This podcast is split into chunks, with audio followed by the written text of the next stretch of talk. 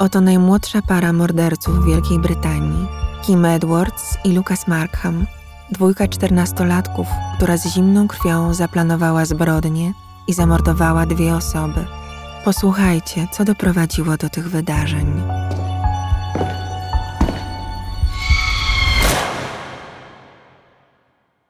Zanim mała Kim ukończyła dwa latka, jej rodzice rozstali się. Została sama z matką, Elizabeth Edwards i jej młodszą o rok siostrą Katie. Ojciec Peter był uzależnionym od narkotyków agresywnym partnerem, który bił swoją żonę na oczach dzieci. Elizabeth wielokrotnie uciekała z córeczkami do miejsc pomocy dla kobiet w podobnej sytuacji. Kiedy Kim miała pięć lat, matka uderzyła ją mocno w twarz podczas rodzinnej kłótni o oglądanie telewizji. Kobieta zgłosiła sama ten fakt i krótko po tym Kim i Katie zostały zabrane z domu przez opiekę społeczną na kilka miesięcy. Sprawę wyjaśniono i zamknięto, a dziewczynki wróciły do matki. Elizabeth później twierdziła, że starsza córka nigdy jej tego nie wybaczyła. Dorastając, Kim była przekonana, że matka jej nie kochała, a faworyzowała Katie. W 2013 roku, mając zaledwie 10 lat, oskarżyła publicznie Elizabeth o próbę uduszenia. Nie wszczęto żadnego postępowania, zarówno matka, jak i Katie zaprzeczyły słowom zbuntowanej dziewczynki. W styczniu 2015 roku pani Edwards zgłosiła lekarzowi rodzinnemu, że potrzebują psychoterapeuty. Elizabeth, szkolna kucharka, może nie radziła sobie najlepiej w wychowywaniu przepełnionej złością córki, trzeba jednak przyznać, że szukała fachowej pomocy. Również kiedy znalazła samobójczy list napisany przez Kim, zgłosiła się wraz z nią do psychiatry. Lekarz uznał, że to jedynie przejaw nastoletniego buntu. Nie dostrzegł żadnych zaburzeń psychicznych. Elizabeth nie przerwała mimo to rodzinnej terapii. Wszystko zmierzało ku poprawie. Do momentu, gdy w maju 2015 roku trzynastoletnia Kim poznała Lukasa Markhama. Rodzice chłopaka również mieli pełną przemocy relację, która doprowadziła do rozstania. Markham i jego bracia zostali zabrani do rodziny zastępczej. W wieku czterech lat jego wychowaniem zajęła się ciotka. Matka zmarła na białaczkę rok później. Ojciec alkoholik nawet nie próbował budować relacji rodzinnej ze swoimi synami. Koledzy z jego klasy mówili, że Lukas zawsze był na wszystkich i wszystko wściekły. Potrafił jednak rozmawiać, potrafił nawiązać szkolne znajomości. Był inteligentny i kochał matematykę, jednak nadal często wdawał się w bójki i kłótnie z nauczycielami.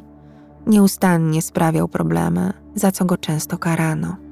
Oboje mieli po 13 lat, gdy Kim zobaczyła po raz pierwszy Lukasa w John Glebe High School w Spalding.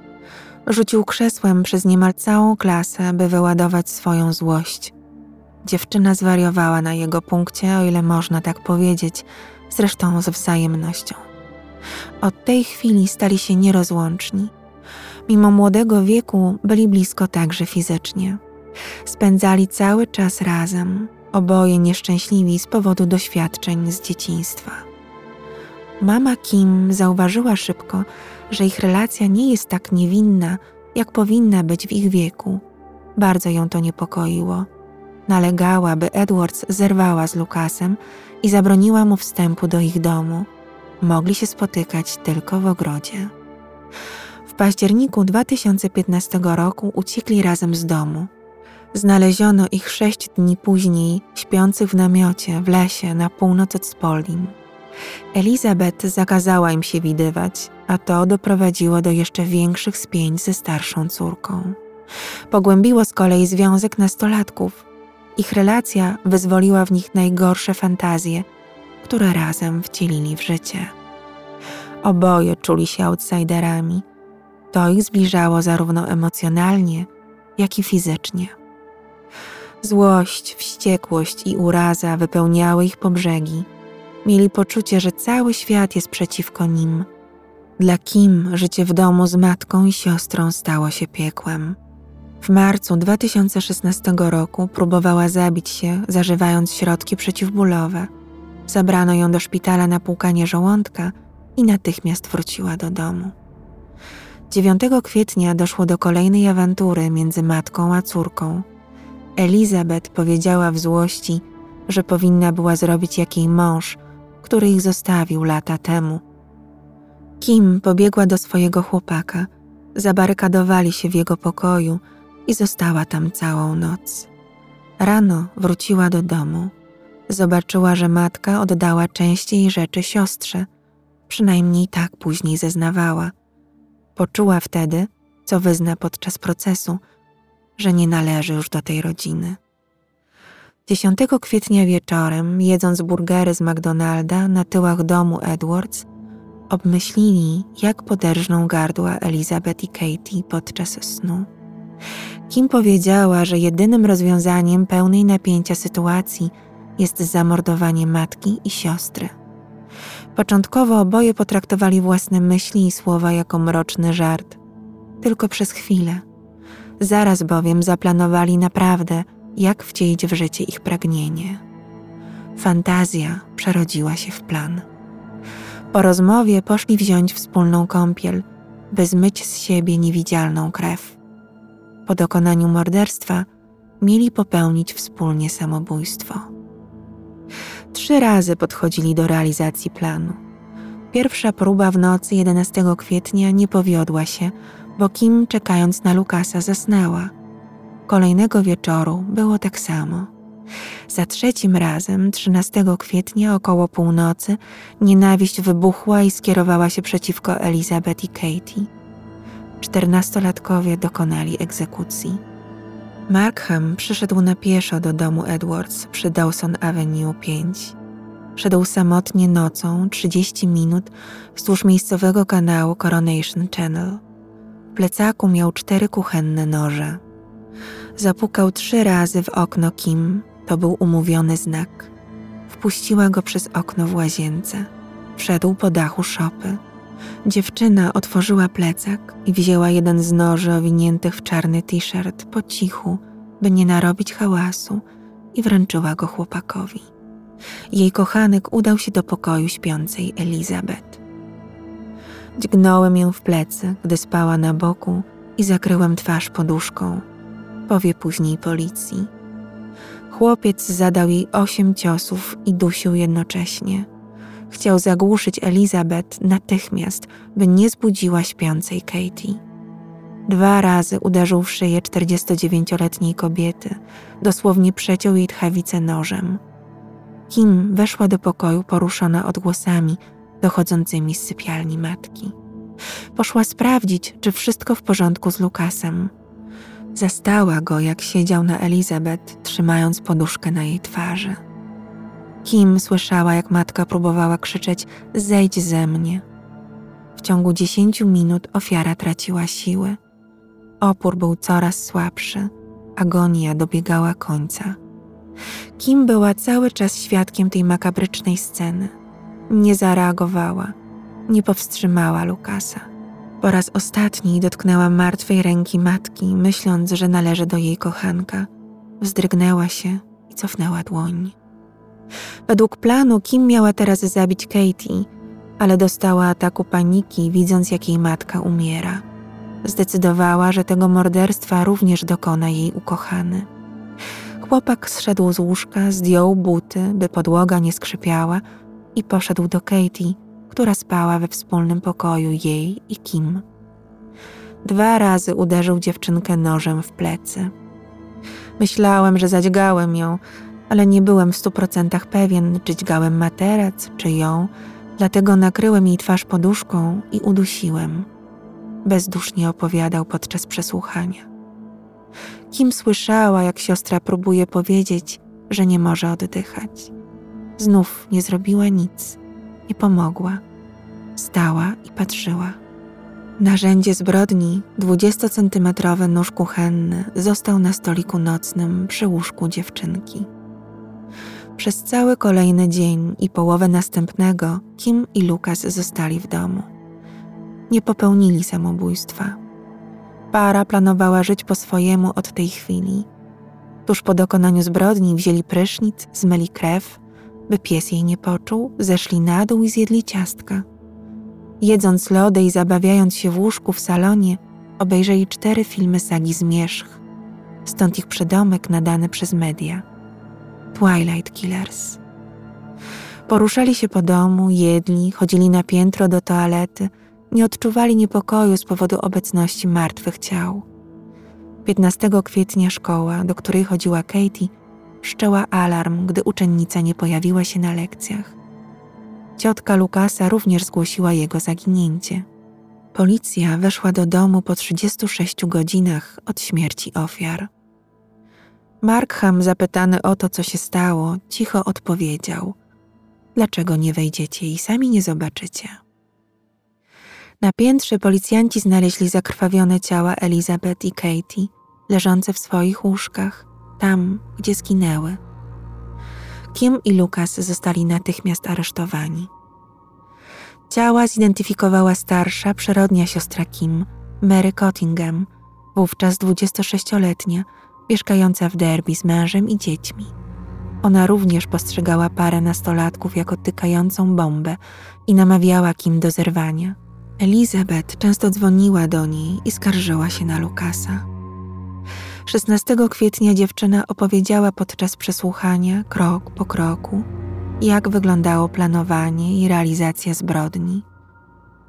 Nie żal mi matki, zasługiwała na to i cieszę się, że nie żyje, podsumowała. 17 kwietnia oskarżono oboje o dwa morderstwa. Edwards usprawiedliwiała zamordowanie siostry troską o nią. Nie chciała, by cierpiała z powodu śmierci matki. Pomyślałam, że byłoby lepiej dla mojej siostry, gdyby też umarła. Nie zabiłam siostry ze złości. Tęsknię za nią, ale byłam tak podekscytowana zabiciem matki, że nie mogłam się oprzeć. Zabicie Elizabeth było w jej oczach jedynym sposobem na pozbycie się największego problemu. Mama nie musiała się już o nią martwić. Nie żyła. Według policji na miejscu zdarzenia nastolatkowie nie okazywali żadnych emocji ani wyrzutów sumienia. Byli spokojni.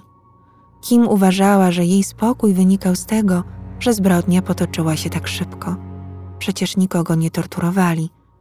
Zapytana, dlaczego pragnęła śmierci matki, odpowiedziała: Od kiedy tylko pamiętam, nigdy nie dogadywałam się z mamą. Wiedziałam, że faworyzuje moją siostrę. Chociaż mówiła, że tego nie robi, wiedziałam, że kłamała.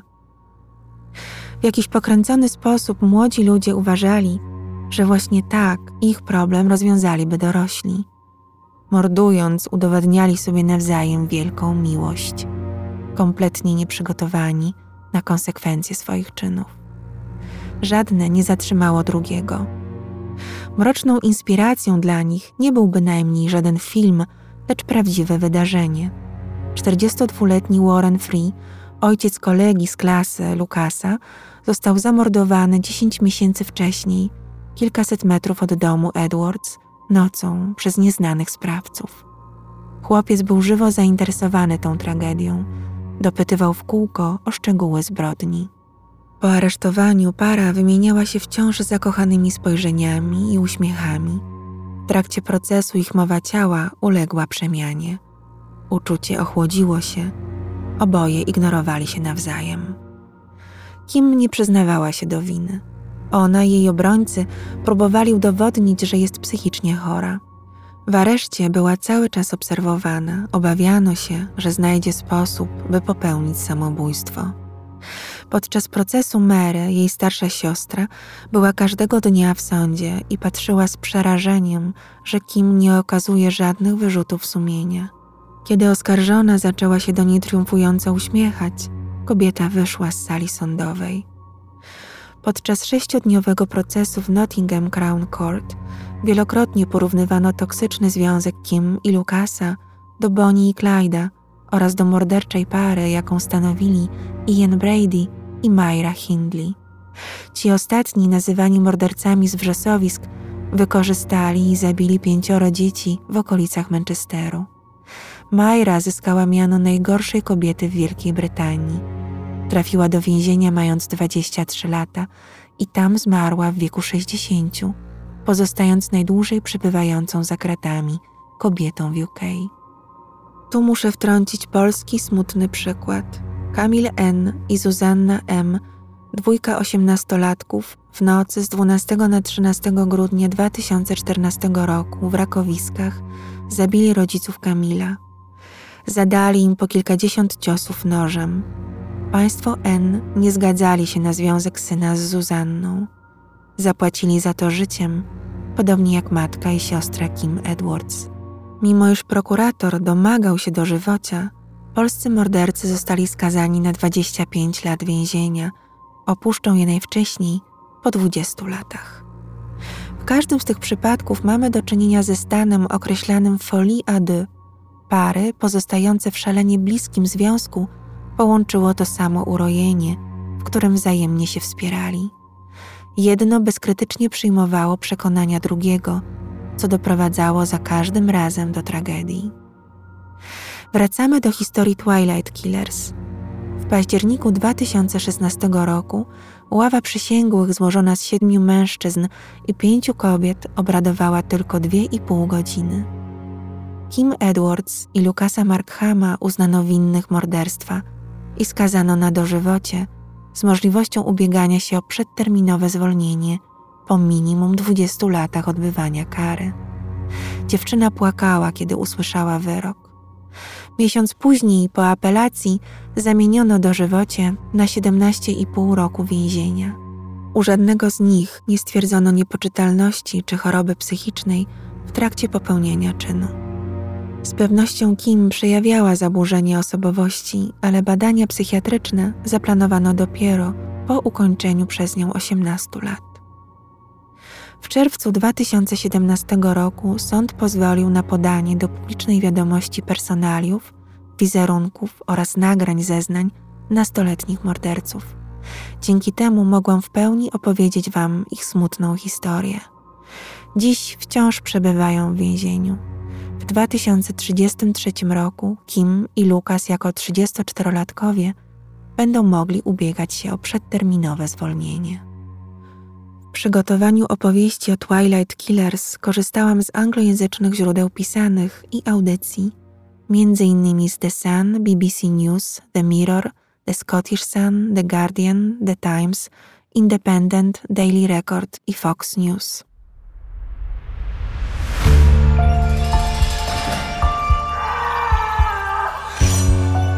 Dziękuję za Waszą uwagę i zapraszam na kolejne historie o zbrodniach, mordercach i makabrze. Renata z worka kości.